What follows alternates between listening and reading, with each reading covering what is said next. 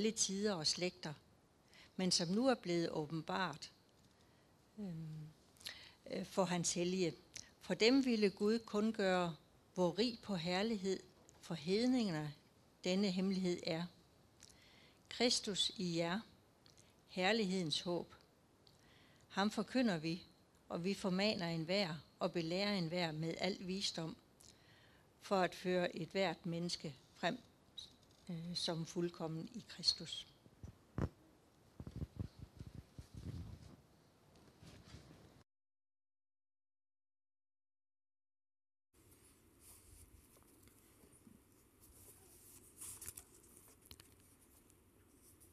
Og vi skal høre evangeliet, sådan som evangelisten Johannes skriver det.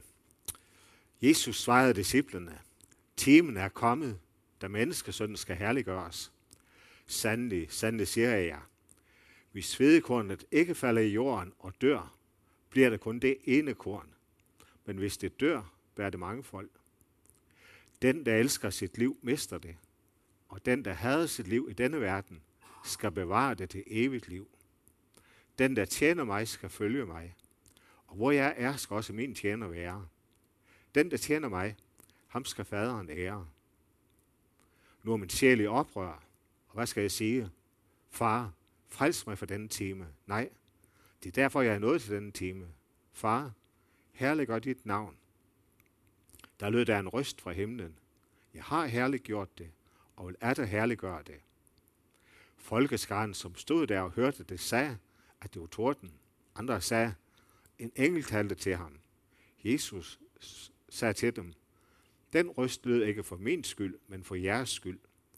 Nu fældes der dom over denne verden. Nu skal denne verdens fyrste jages ud. Og når jeg blev ophøjet fra jorden, vil jeg drage alle til mig. Det sagde han, og betegnede dermed, hvordan han skulle dø. Hellige far, hellig os i din sandhed, dit ord er sandhed. Amen.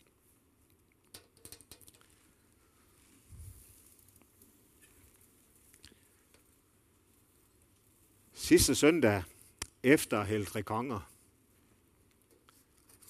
Det betyder jo i kirkens orden og i kirkens år, at vi nærmer os sådan et hjørne, hvor der dukker et nyt motiv op i horisonten, nemlig påsken. Og det det betyder.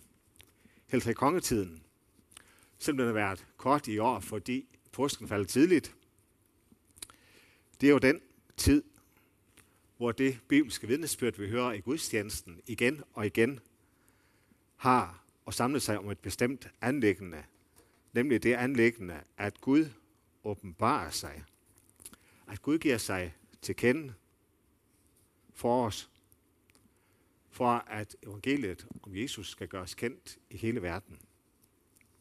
Altså kongetiden, det er den tid, der vil vise os Jesus som den hemmelighed, der nu gøres kendt for alle slægter. At han er frelser for jødiske hørter for en mark, ja, men også for hedenske vismænd. Hedninges frelser. Så Jesus for eksempel møder en samaritansk kvinde langt uden for hedningeområdet, for også at være det for hende, han vil være for hele verden. Frelser, jøder og hedninger. Jeg selv småbørn får lov til at komme til Jesus og stille sig over for Guds rige. Og vi har også Jesus tale om, at der skal komme mange fra øst og vest og sætte til bords for Guds rige.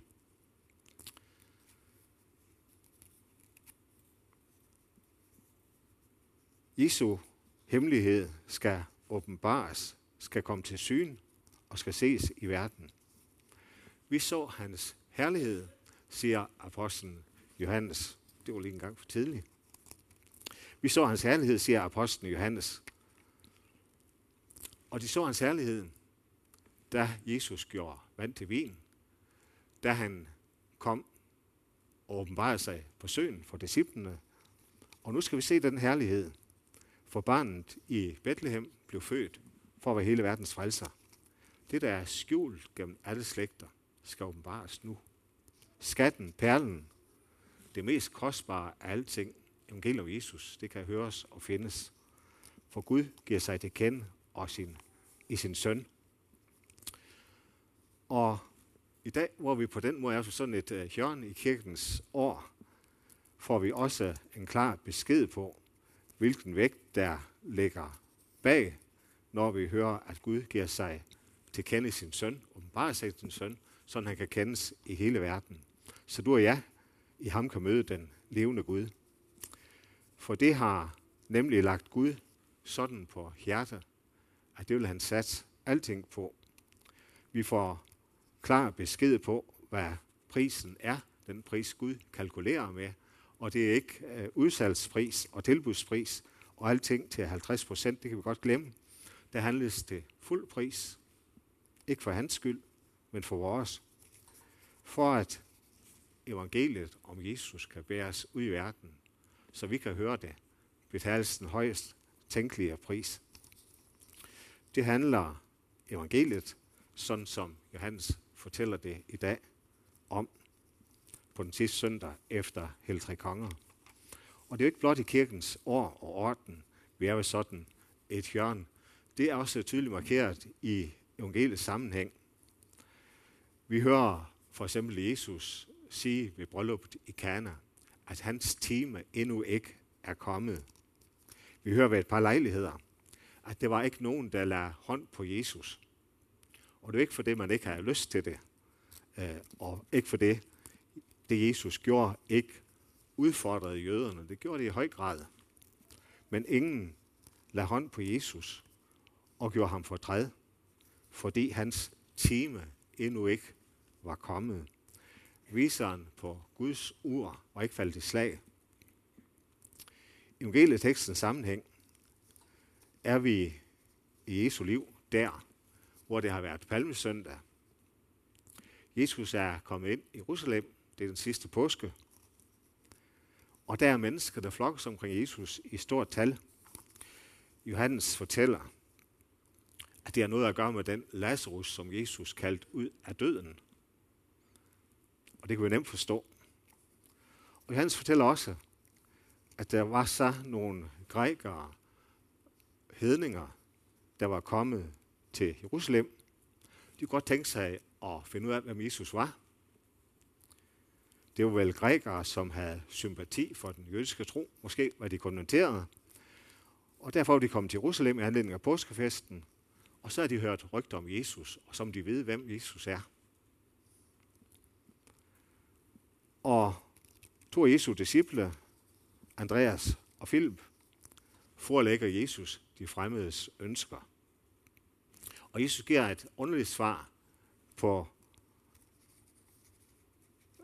de grækers mulighed for at mødes med ham. For svaret lød nemlig, at timen er kommet, da menneskesønnen skal herliggøres. Et underligt svar. Timen er kommet. Menneskesønnen skal herliggøres. Nu står viseren på Guds ord, ur, hvor den skal. Hans time er kommet. Det betyder jo, at det er lige præcis i det, der sker med Jesus i Jerusalem, den sidste påsk, vi får det allertydeligste svar på, hvem Jesus er. Det er der, der vedekorn lægges i jorden. Det bliver tydeligt, hvad Jesus vil. De grækere, der den dag spurgte efter ham. Det er der, det bliver tydeligt. Også hvad det er, Jesus vil dig og mig. Det er der, det bliver tydeligt, hvem Jesus er og hvem Gud er. Vi hørte før i læsningen om Guds ords hemmelighed, der har været skjult for alle tider og alle slægter. Og Guds hemmelighed, den afsløres altså i Jesus. Den hemmelighed afsløres også i det, der sker med Jesus i Jerusalem. En hemmelighed, så noget som pigerne tæsker sammen om i en klump, og så noget som drengene råber ud over det hele, så snart de fatter, hvad det drejer sig om. Eller noget, kun de få indvidet ved. Noget, som det helst ikke er ret mange, der skal vide noget om. Det er ikke sådan en hemmelighed. Tværtimod, så vil Gud, at flest mulige skal kende den hemmelighed. Men det er en hemmelighed på den måde, at det Jesus vil, det Jesus gør, det Jesus betyder, det er der altså ingen mennesker, der af sig selv kan komme i tanke om, eller regne ud, eller tænke sig frem til. Derfor må Jesus sige os det. Derfor må evangeliet sige os det. Derfor må vi høre evangeliet om Jesus igen og igen. For det er sådan, siger Jesu apostel Paulus også, at evangeliet om Jesus, det er, hvad intet øje har set, hvad intet øre har hørt, hvad det ikke er opkommet i noget menneskehjerte. På den måde er evangeliet en hemmelighed. Ingen af os kan tænke os selv til det. Ingen af os kan regne ud, hvad det er, evangeliet går ud på. Det er aldrig sig selv fundet rum i et menneskehjerte. En Gud, der giver afkald på den måde, at han går ind under vedkornets slov. Vedkornet, der lægges i jorden for at dø. Det er en tanke, der aldrig af sig selv kunne tænkes i et menneskehjerte. At det er den måde, Gud frelser os på. At han elsker os så højt, at han er kærlighed til os, vil blive så lille og så umægtig, at han giver sig ind under vedkundens lov, alt hvad det betyder.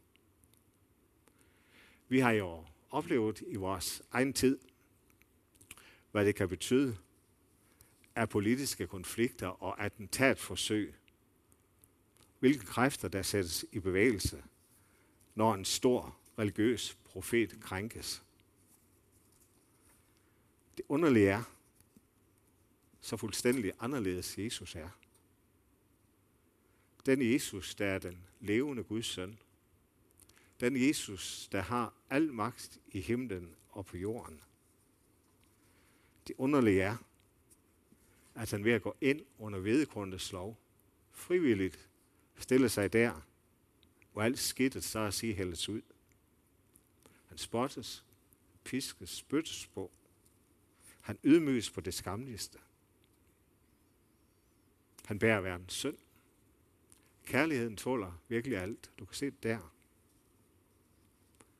Og det billede, der tegnes af Jesus, der er det jo ikke til at holde ud at se på.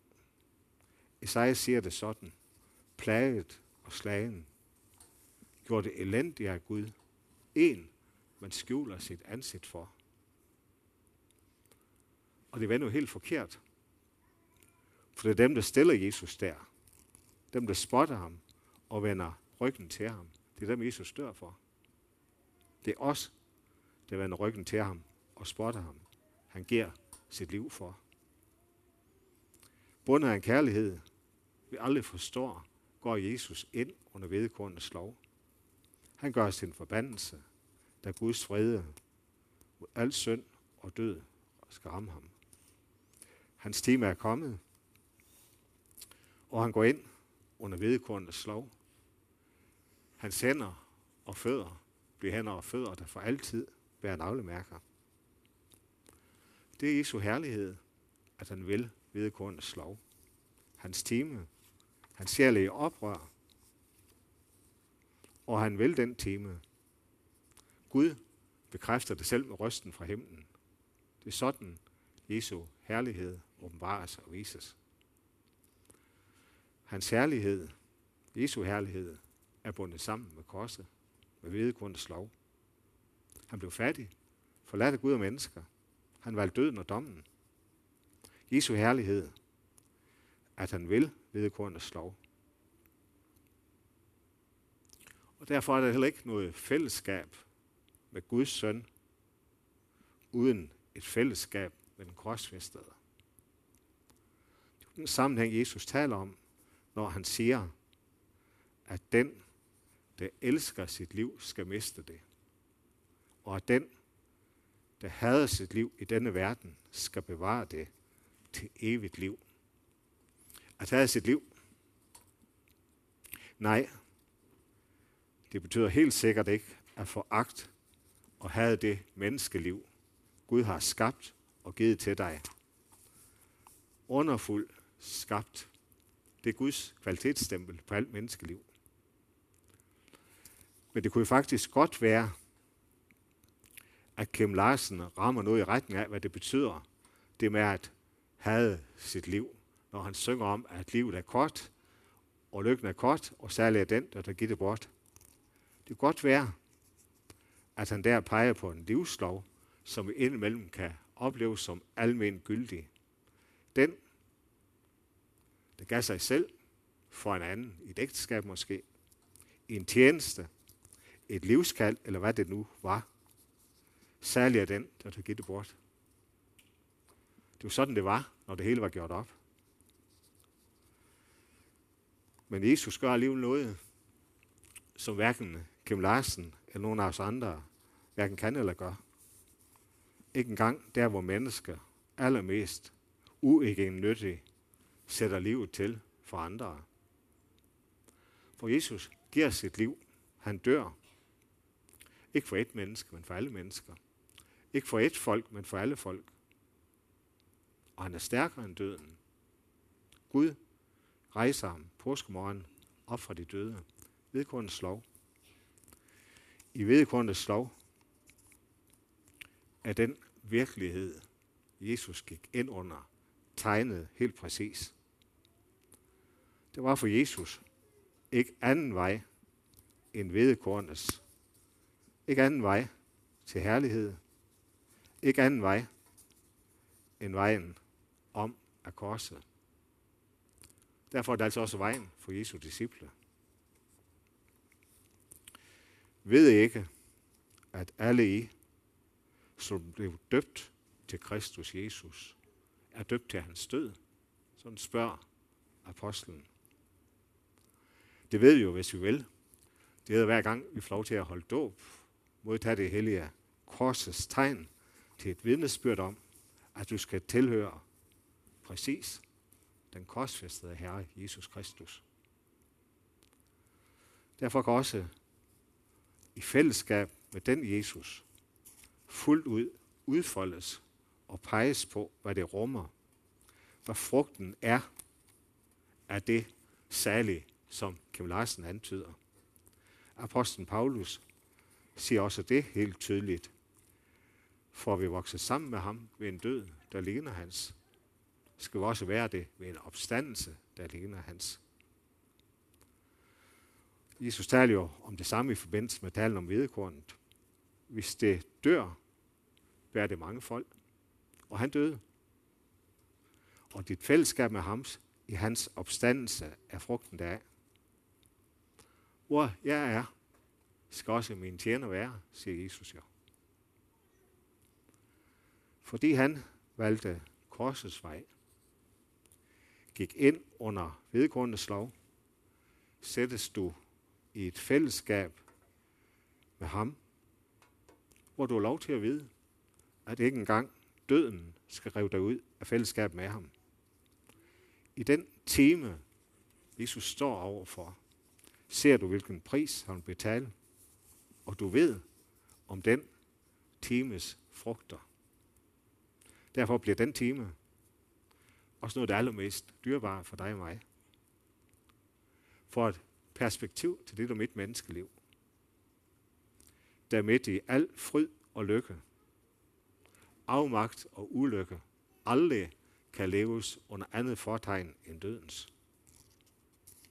Oven i købet har du lov til at vide, om alt det, du møder, som gør og som er ondt, hvis familieskab med djævlen ikke er til at tage fejl af. Alt det, der kan skygge et menneskeliv.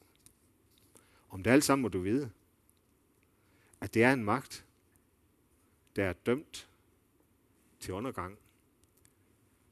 For det at Jesus valgte korset. Det at Jesus i den time gjorde vedgrundets lov til sin lov. Det betyder også, at verdens fyrste er dømt. Nu faldes der dom over denne verdens fyrster.